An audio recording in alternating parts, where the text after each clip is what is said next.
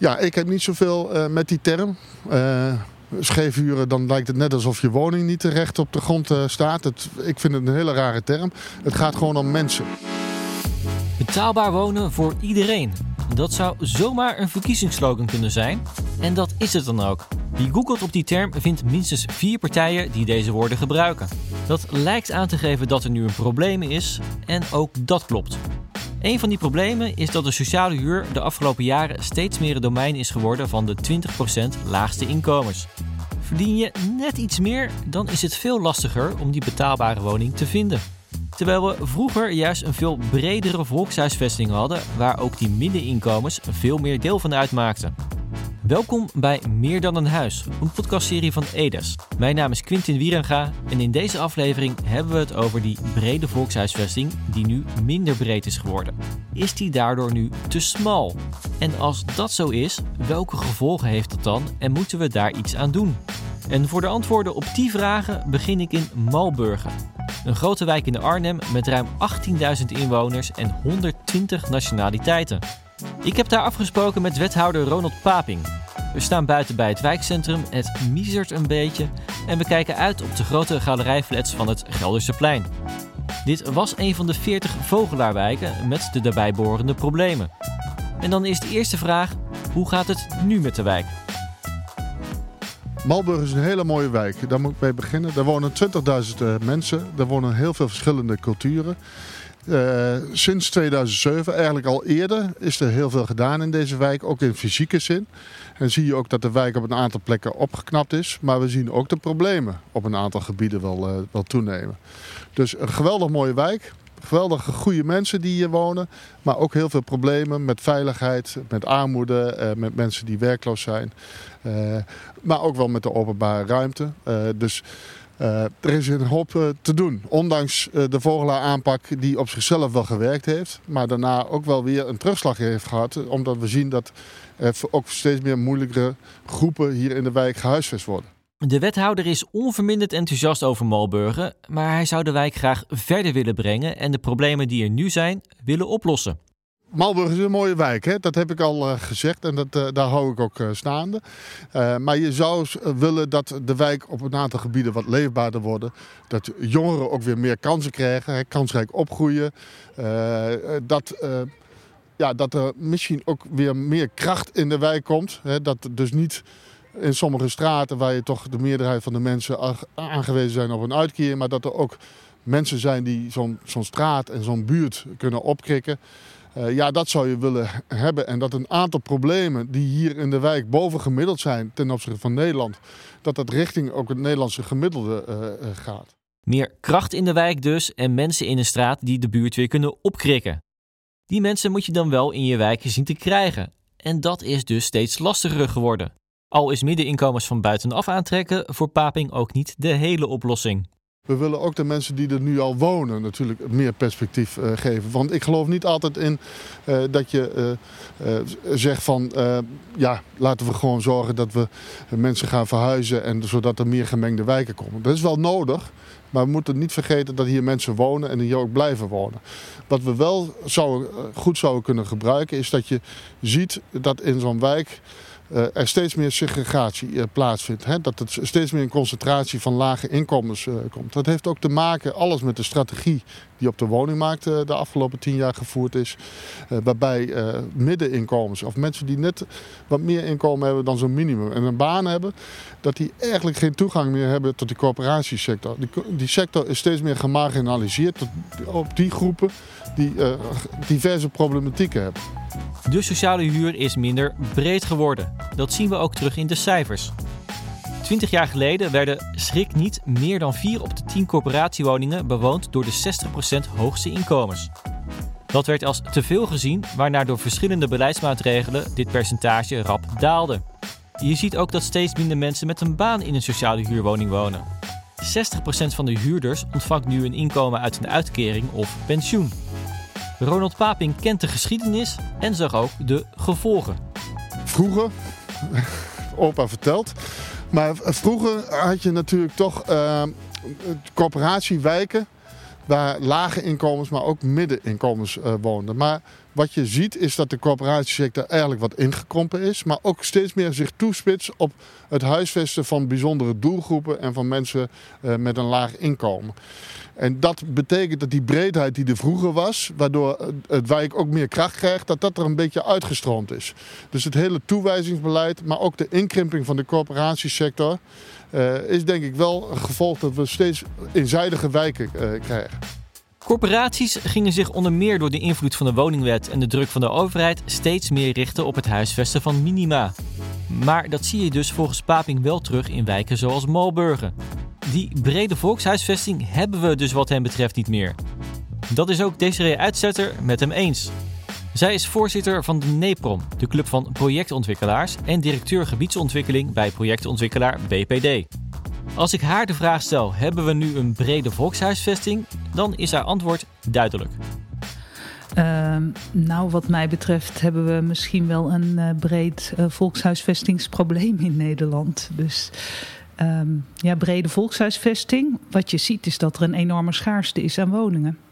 Dus om nou te zeggen dat iedereen even makkelijk toegang heeft tot een betaalbare woning, dat is niet het geval. Dus we hebben in Nederland uh, nou, daar wel wat te doen. Behalve dan dat de net iets hogere inkomens steeds minder toegang hebben tot de sociale huur, ziet zij dus nog iets wat voor die groep ongunstig uitvalt. Er is simpelweg veel en veel te weinig gebouwd de afgelopen jaren. Daardoor is de toegang tot de woningmarkt voor veel groepen, waaronder juist ook de groep met een heel gemiddeld inkomen, nu te beperkt. Dat heeft grote gevolgen op tal van gebieden. En een van die gevolgen zie je dus in wijken met relatief veel sociale huur, zoals Malburgen. Daar was er heel weinig aanbod voor mensen die niet voor een sociale huurwoning in aanmerking kwamen. Desiree Uitzetter kent de situatie in die specifieke wijk niet, maar herkent het probleem van Ronald Paping wel. Wat je ziet is dat mensen die uh, opgroeien in zo'n wijk en die het wat beter krijgen, dat die eerder een stap uh, verhuizen naar buiten die wijk, omdat er binnen die wijk geen goede woningen beschikbaar zijn. Dus de, de stap maken van een uh, misschien wel een minima uh, sociale huurwoning naar een, een net even iets duurdere woning. Als je die niet in je wijk kan maken, dan vertrek je naar buiten. En dan kom je niet zomaar weer terug die wijk in. Dus er is ook wel wat aangelegen vanuit sociale cohesie, vanuit leefbaarheid, om dat in de wijk mogelijk te maken. Dat mensen de stap kunnen maken. Dus ik zie. He, dus ik ken niet exact de situatie in Arnhem hoor, met, voor die wijk. Maar ik zie wel dat heel veel uh, gemeenten, corporaties ook met private partijen kijken hoe we dat op een zorgvuldige manier kunnen doen. En over hoe je dat met het bouwen van woningen doet, hebben we het straks. We gaan eerst terug naar Malburgen, want wethouder Ronald Paping ziet naast het bouwen van woningen voor middeninkomens ook nog wel andere oplossingen. Je kunt ook zorgen dat mensen die net wat meer verdienen ook toegang houden tot die corporatiesector, tot die sociale huursector. Dat je hem gewoon wat breder maakt en niet zeggen het is een minimumvoorziening voor de allerlaagste inkomens. Uh, en degenen die net wat meer verdienen, die ga je er ook uitduwen, zeg maar, hè, wat de afgelopen jaren bij een aantal corporaties gebeurd is met inkomensafhankelijke huurwoningen. Nee, die koester je, omdat je ook weet dat die goede rolmodellen kunnen zijn voor de rest van de wijk. De scheefhuurder, die vaak in de media en politiek de kop van Jut was omdat hij zou zorgen voor lange wachtlijsten in de sociale huur, is bij Ronald Paping in ieder geval eerder een vriend dan een vijand. Ja, ik heb niet zoveel uh, met die term. Uh, scheefhuren, dan lijkt het net alsof je woning niet terecht op de grond uh, staat. Het, ik vind het een hele rare term. Het gaat gewoon om mensen. En je hebt, of bij het hele begrip scheefhuren heb je dus ook nog weer mensen met een heel laag inkomen en een hele hoge huur. Daar moet wat aan veranderen. Maar ik denk dat als je een iets hoger inkomen hebt dan, dan wat er nu als toewijzingsgrens is, of, uh, voor, dan praat je toch over mensen die net iets meer dan modaal hebben. En dat zijn mensen die dan vaak wel een baan hebben, een goed voorbeeld kunnen zijn voor de rest van de wijk. en geef nou niet het beeld aan die mensen dat ze niet welkom zijn. En als hij naar het kabinet kijkt, heeft hij ook wel wat hoopvolle ontwikkelingen gezien. Nou ja, er is nu een klein stapje in de goede richting uh, gemaakt. Doordat uh, het kabinet gaat voorstellen, dat moet volgens mij nog in wetgeving komen, dat voor gezinnen die inkomensgrens omhoog gaat. Maar de inkomensgrens voor toelating tot die sociale huursector gaat niet alleen, omlaag voor alleenstaanden, wat het kabinet eerst ook wilde. Nou, dat is denk ik, denk ik goed. Dan verruim je in ieder geval de doelgroep die gehuisvest kan worden in coöperatiewoningen. Inmiddels is duidelijk dat voor 2021 de inkomensgrens voor meerpersoonshuishoudens is verruimd naar 44.665 euro. Ruim 5500 euro meer dan in 2020. Voor alleenstaanden is de grens nu iets meer dan 40.000 euro en dat is een kleine 1000 euro meer dan vorig jaar. En het verruimen van die grenzen, dat vindt Ronald Paping dus een prima idee. Maar hoe kijken de projectontwikkelaars daar tegenaan? Is Desiree Uitzetter daar ook zo enthousiast over? Um, ja, we zijn in ons land best wel goed om voor elk probleem wat we signaleren een soort weer een nieuwe oplossing te bedenken, zonder dat we totale, um, totale probleem kleiner maken. Dus daar ben, ik, daar ben ik altijd een beetje huiverig voor. We zijn nu ook hè, de huren aan het maximeren, de huurstijgingen. Waardoor we ook weer een dempend effect op de nieuwbouwproductie gaan krijgen. Dus we zijn allerlei oplossingen aan het bedenken in ons land. Daar zijn we best wel goed in. Om een probleem wat nu echt uh, heel prominent bovenaan staat uh, te tackelen. Zonder te bedenken wat dat betekent voor hoe krijgen we die 330.000 woningen tekort opgelost. De impact daarop die is vaak groter dan dat je een oplossing bent voor het probleem wat je signaleert dus ik denk dat we gewoon structureel veel meer woningen moeten bouwen. Dat is de, de beste inzet die je kan doen. En als het nodig is dat tussentijds grenzen uh, omhoog moeten voor mensen in een sociale huurwoning, dan ben ik daar niet zo uh, expliciet voor of tegen. Geen ja en geen nee dus, maar vooral een ander antwoord. We moeten bouwen, bouwen, bouwen. Dat lukte de afgelopen jaren alleen onvoldoende, vooral dus ook in het middensegment. Zie in de grote steden bijvoorbeeld maar eens een huurwoning tot 1000 euro te vinden. Projectontwikkelaars slaagden er ook niet in om woningen voor die doelgroep te bouwen. En waarom eigenlijk niet? Nou, zegt Desiree Uitzetter, de tenders, oftewel de aanbestedingen waar projectontwikkelaars zich op in moeten schrijven, boden vaak weinig ruimte. De uitvragen die bij ontwikkelaars uh, op het bureau belanden, zijn vaak er moet 30% sociale huur. En de rest, tegenwoordig is die middenhuur, heeft wel een zekere status gekregen. Maar in die tijd was het 30% sociale huur en een maximaal grondbod wil ik hebben voor deze plek. En dat maximale grondbod, dat bereik je door, nou ja, door dure woningen te, te realiseren. Dus je krijgt 30% sociaal en 70% misschien wel behoorlijk duur als de druk op de woningmarkt heel groot is. Maar eigenlijk is dat niet iets wat ontwikkelaars willen, maar waartoe ze gedwongen worden door de uitvragen die belanden. Want je wil eigenlijk, wat je eigenlijk wil, is dat mensen die starten in een sociale huurwoning binnen de wijk kunnen doorverhuizen. Dus je wil eigenlijk een, een gezonde mix in een wijk stimuleren of in een, een deeltje van een grotere gebiedsontwikkeling. Dus je zet het liefste in op een, een mix die niet de twee uitersten in één wijk zet. Want zo wil eigenlijk ook niemand wonen. Als je aan mensen vraagt hoe wil je wonen, dan wil je in ieder geval stapjes naar boven en stapjes naar beneden binnen je eigen wooncarrière. Dat vinden mensen het meest prettig. De uiterste, dat is, uh, is voor niemand eigenlijk uh, goed. Dat is wel aan het veranderen, ziet zij. Middenhuur wordt nu vaak wel opgenomen als voorwaarde in de tender. Maar dat heeft dus wel gevolgen voor dat maximale grondbod wat ze net noemde. Dat leidt dan tot een logische vraag aan wethouder Ronald Paping. Zou Arnhem minder geld voor grond willen vragen om te zorgen dat er meer middenhuur kan worden gebouwd? Nou, er wordt nog steeds heel veel gebouwd. Uh, er wordt eh, sociaal gebouwd, er wordt een koopwoningen gebouwd. Er wordt overigens ook in Arnhem ook middenhuur toegevoegd. Dat gebeurt overigens meer in transformatie bij kantoren. Uh, ja, de grond is vaak helemaal niet in bezit eh, van de gemeente. Maar voor zover het wel in de gemeente zit, zeg ik ook maar als wethouder van Financiën. Wij moeten ook, eh, bij ons moet de schoorsteen ook, ook roken. En ik vind het een beetje onterecht om dan één kostenpost daarvan aan te geven. Van, want daar zou ik weer kunnen gaan zeggen van... Zou, projectontwikkelaars of beleggers niet wat genoegen moeten nemen met een iets lager percentage rendement. Want dan komen we er ook uh, met elkaar. En voor de rest, in Arnhem zijn projectontwikkelaars van harte welkom. Ook om projecten te realiseren.